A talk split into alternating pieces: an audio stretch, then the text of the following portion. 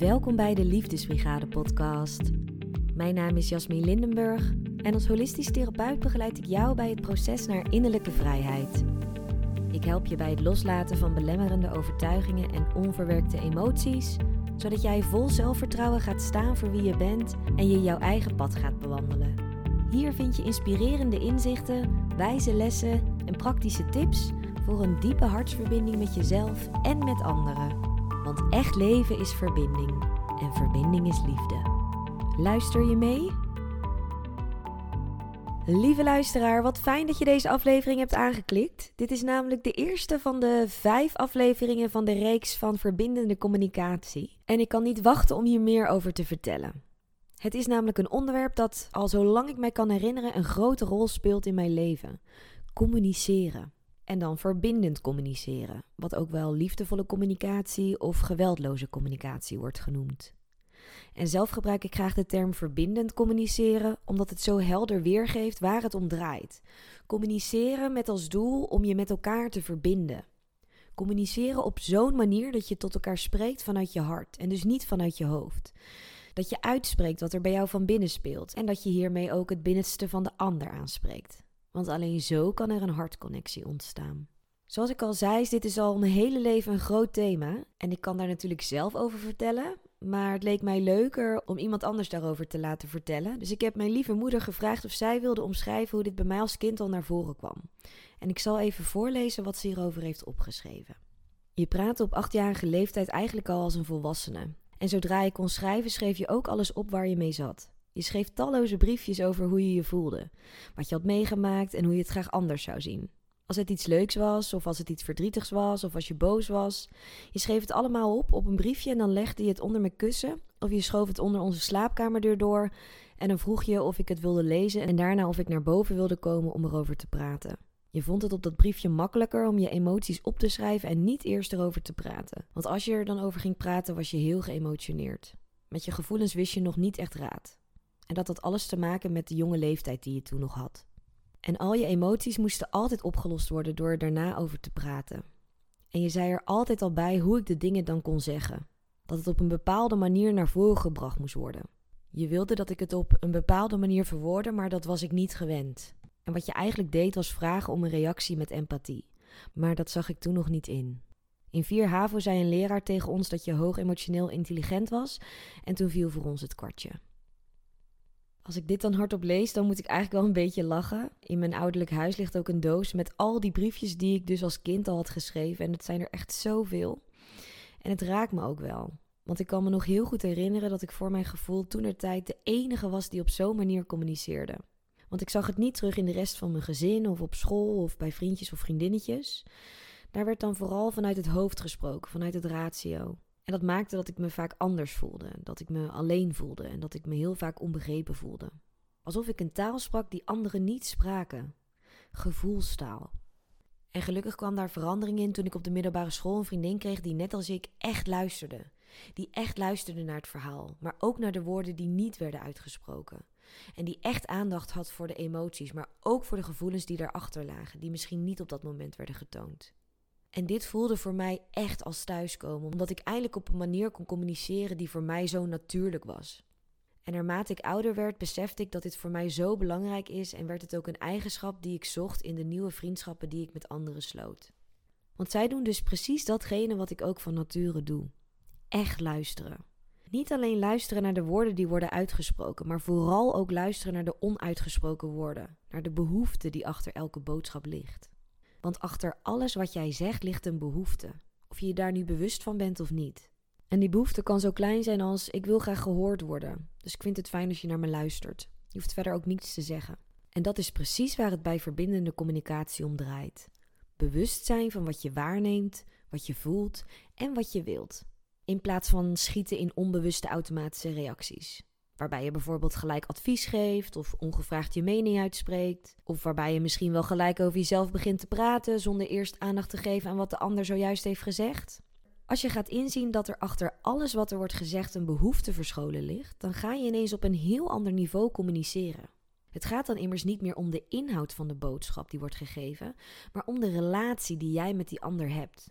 En om dit uit te leggen gebruik ik vaak hetzelfde voorbeeld van een vrouw die voor de zoveelste keer tegen haar man zegt dat hij de vuilnis nog niet naar buiten heeft gebracht, terwijl hij zei dat hij dat wel zou doen. En ik ben me er trouwens van bewust dat dit zo'n voorbeeld is van een maatschappelijke conditionering, waarbij vrouwen alles en mannen nooit in het huishouden iets doen. En ik weet dat het zeker ook andersom kan zijn, of dat het überhaupt niet voorkomt. Maar voor de sake of clear examples is dit een makkelijke en begrijpelijke om te gebruiken. Dus luister maar even door deze gender stereotyping heen. In dit voorbeeld zegt de vrouw voor de zoveelste keer dat haar man is vergeten om de vuilnis naar buiten te brengen, terwijl ze het dus al heel vaak heeft gevraagd. Als de man in dit voorbeeld alleen communiceert op inhoudsniveau, dus luistert naar de letterlijke woorden die zijn vrouw op dat moment zegt, zullen ze vast en zeker in een ruzie verwikkeld raken. Want de man zei inderdaad dat hij de vuilnis naar buiten zou brengen. En dat gaat hij ook nog zeker doen vanavond. Maar hij is nu even druk bezig met iets heel interessants op tv kijken. En hij zal het daarna doen, zegt hij. Dat is dus communiceren op inhoudsniveau. Luisteren naar de letterlijke woorden die op dat moment worden gezegd.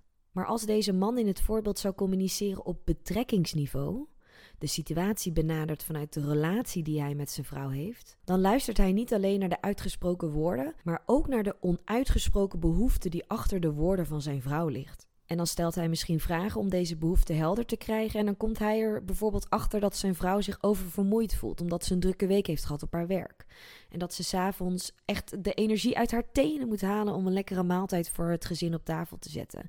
En dat ze heel erg opziet tegen de berg was die nog gestreken moet worden. Dat ze zich heel erg geholpen zou voelen als haar man even de vuilnis naar buiten zou brengen. Dat ze zich erdoor gesteund en ook gezien zou voelen. Erkend zelfs voor alles wat ze in het huishouden al doet. En ze zou zich dan ook minder alleen voelen. Het gevoel hebben dat ze er alleen voor staat in het huishouden. Maar haar man, die uren geleden al zei dat hij de vuilnis naar buiten zou brengen, zit gewoon tv te kijken. En doordat de spanning bij haar te veel oploopt, schiet ze gewoon uit haar slof. Als je dus goed kijkt naar dit voorbeeld, dan zie je dat de opmerking van de vrouw in de kern dus niet te maken heeft met de inhoud van die opmerking. Het gaat haar dus niet om een simpele daad zoals de vuilnis naar buiten brengen. Wat hier speelt is dat de vrouw een onderliggende behoefte heeft die op dat moment niet wordt vervuld. En in die behoefte zou best kunnen worden voorzien als haar man op dat moment de vuilnis buiten zet. Maar het zou ook zeker werken als haar man een complimentje geeft over dat ze zoveel in het huishouden doet. Of dat hij haar bijvoorbeeld een knuffel geeft en haar zegt dat de was ook wel morgen gestreken kan worden. Als je dus communiceert op betrekkingsniveau, dan gaat het dus niet zozeer om de uitgesproken woorden over de inhoud van de boodschap, maar het gaat over de relatie die jij met die ander hebt. Over de behoeften van jou en van de ander. En dat is wat ook terugkomt in verbindende communicatie. Bij verbindende communicatie druk je jezelf op een open, eerlijke en heldere wijze uit en benader je de ander tegelijkertijd met respect en empathie. Op deze manier kan elk contact dat je hebt, elke verbinding die je legt, leiden tot een dieper herkennen van je eigen behoeften en die van de ander. En zo kan er dus een hartconnectie ontstaan, omdat je spreekt vanuit je behoeften, je spreekt vanuit je hart en dus niet vanuit je hoofd. Bij verbindende communicatie horen dus geen veroordelingen of kritiek. Het is een manier van communiceren die erop gericht is om zowel de relatie met jezelf als de relatie met de ander te verdiepen. Doordat je open staat voor wat er van binnen bij je leeft en wat er van binnen bij de ander leeft. Door verbindende communicatie ontstaat compassie, empathie en respect. En daardoor kan een echte hartconnectie ontstaan. Want je voelt je echt gehoord, echt gezien en echt begrepen. Wezenlijke verbinding dus. Dus laten we nu wat dieper in verbindende communicatie duiken. Kort gezegd bestaat verbindende communicatie uit vijf elementen: waarneming, gevoel, behoefte, verzoek en begrip. En deze vijf elementen worden ook in deze volgorde ingezet: waarneming, gevoel, behoefte, verzoek, begrip. Stap 1 is dus waarneming. Het benoemen van de feitelijke situatie die jij observeert. En hierbij is het belangrijk dat je duidelijk onder woorden kunt brengen wat je waarneemt, zonder hierover te oordelen of te veroordelen.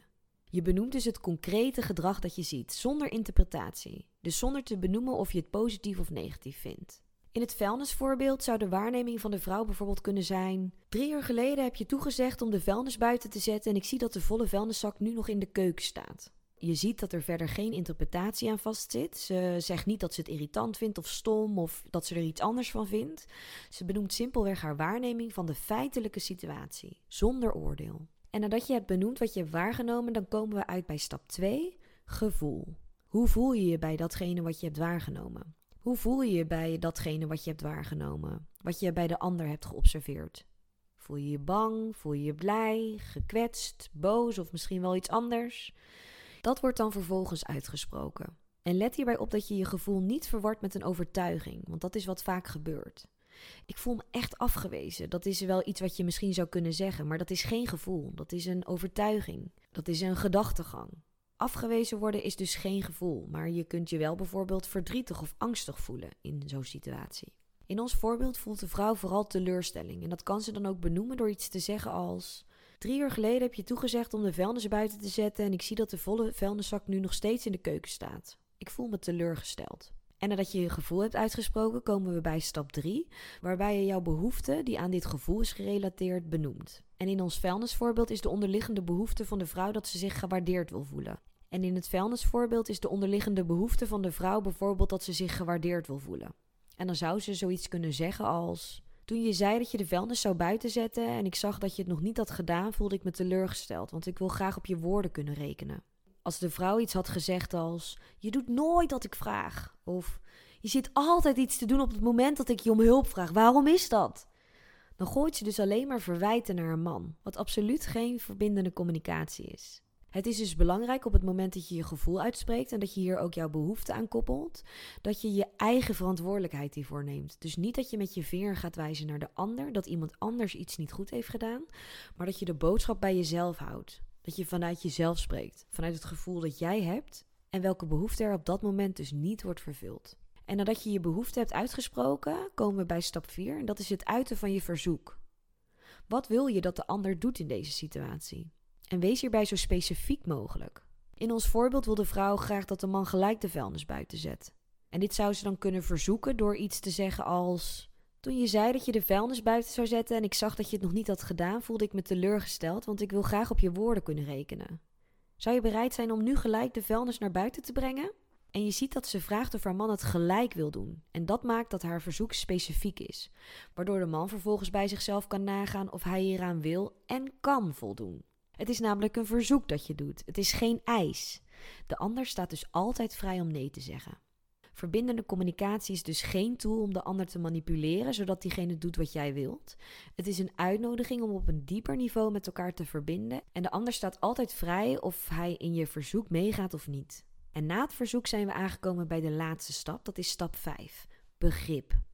Begrip tonen voor de ander. In de eerste vier stappen heb jij jezelf uitgesproken. Je hebt je hart laten spreken door te benoemen wat je hebt waargenomen. Je benoemde welk gevoel het in je opriep en ook welke onvervulde behoefte eraan was gekoppeld.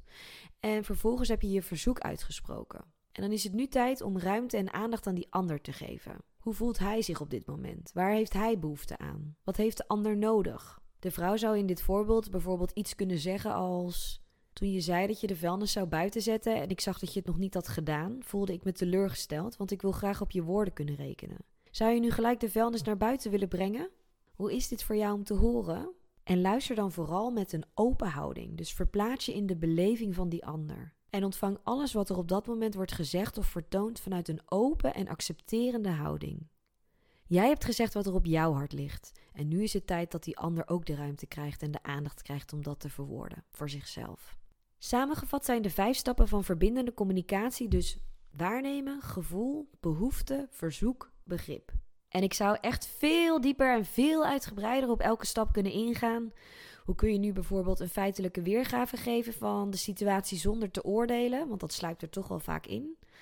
Wat is bijvoorbeeld het verschil tussen een overtuiging en een gevoel? Hoe neem je dan die verantwoordelijkheid voor je eigen gevoel? Hoe ontdek je nu wat jouw onderliggende behoefte eigenlijk is? En hoe kun je iets verzoeken zonder dat het klinkt als een eis? En hoe toon je daadwerkelijk begrip vanuit je hart? Dit zijn allemaal vragen waar je antwoorden op vindt op het moment dat je je gaat verdiepen in verbindende communicatie.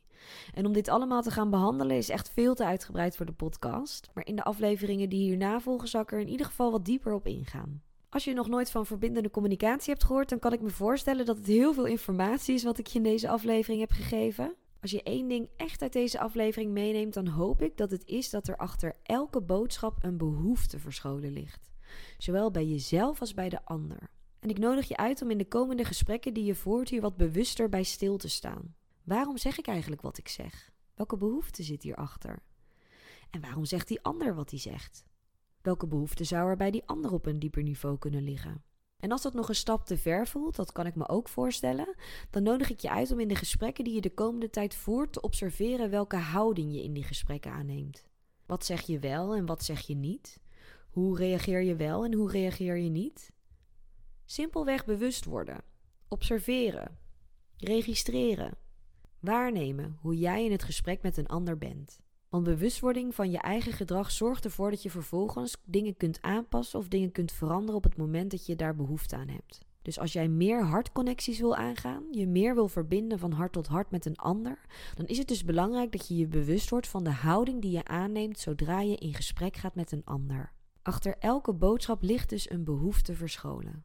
Ik wens je een hele mooie ontdekkingstocht naar deze behoeften en dat er maar veel verdiepende gesprekken op je pad zullen komen, zodat je verbinding voelt met jezelf en met anderen op een veel dieper niveau. Een hele mooie dag toegewenst en hopelijk ben je weer bij bij de volgende aflevering. Heeft mijn podcast je aan het denken gezet en ben je klaar voor echte verandering in je leven? Inzicht zonder handeling brengt geen verandering. Boek daarom nu een gratis kennismaking en dan kijken we samen hoe ik jou het beste kan helpen in mijn holistische praktijk. Ga voor het boeken van jouw gratis kennismaking naar deliefdesbrigade.nl en dan spreken we elkaar gauw.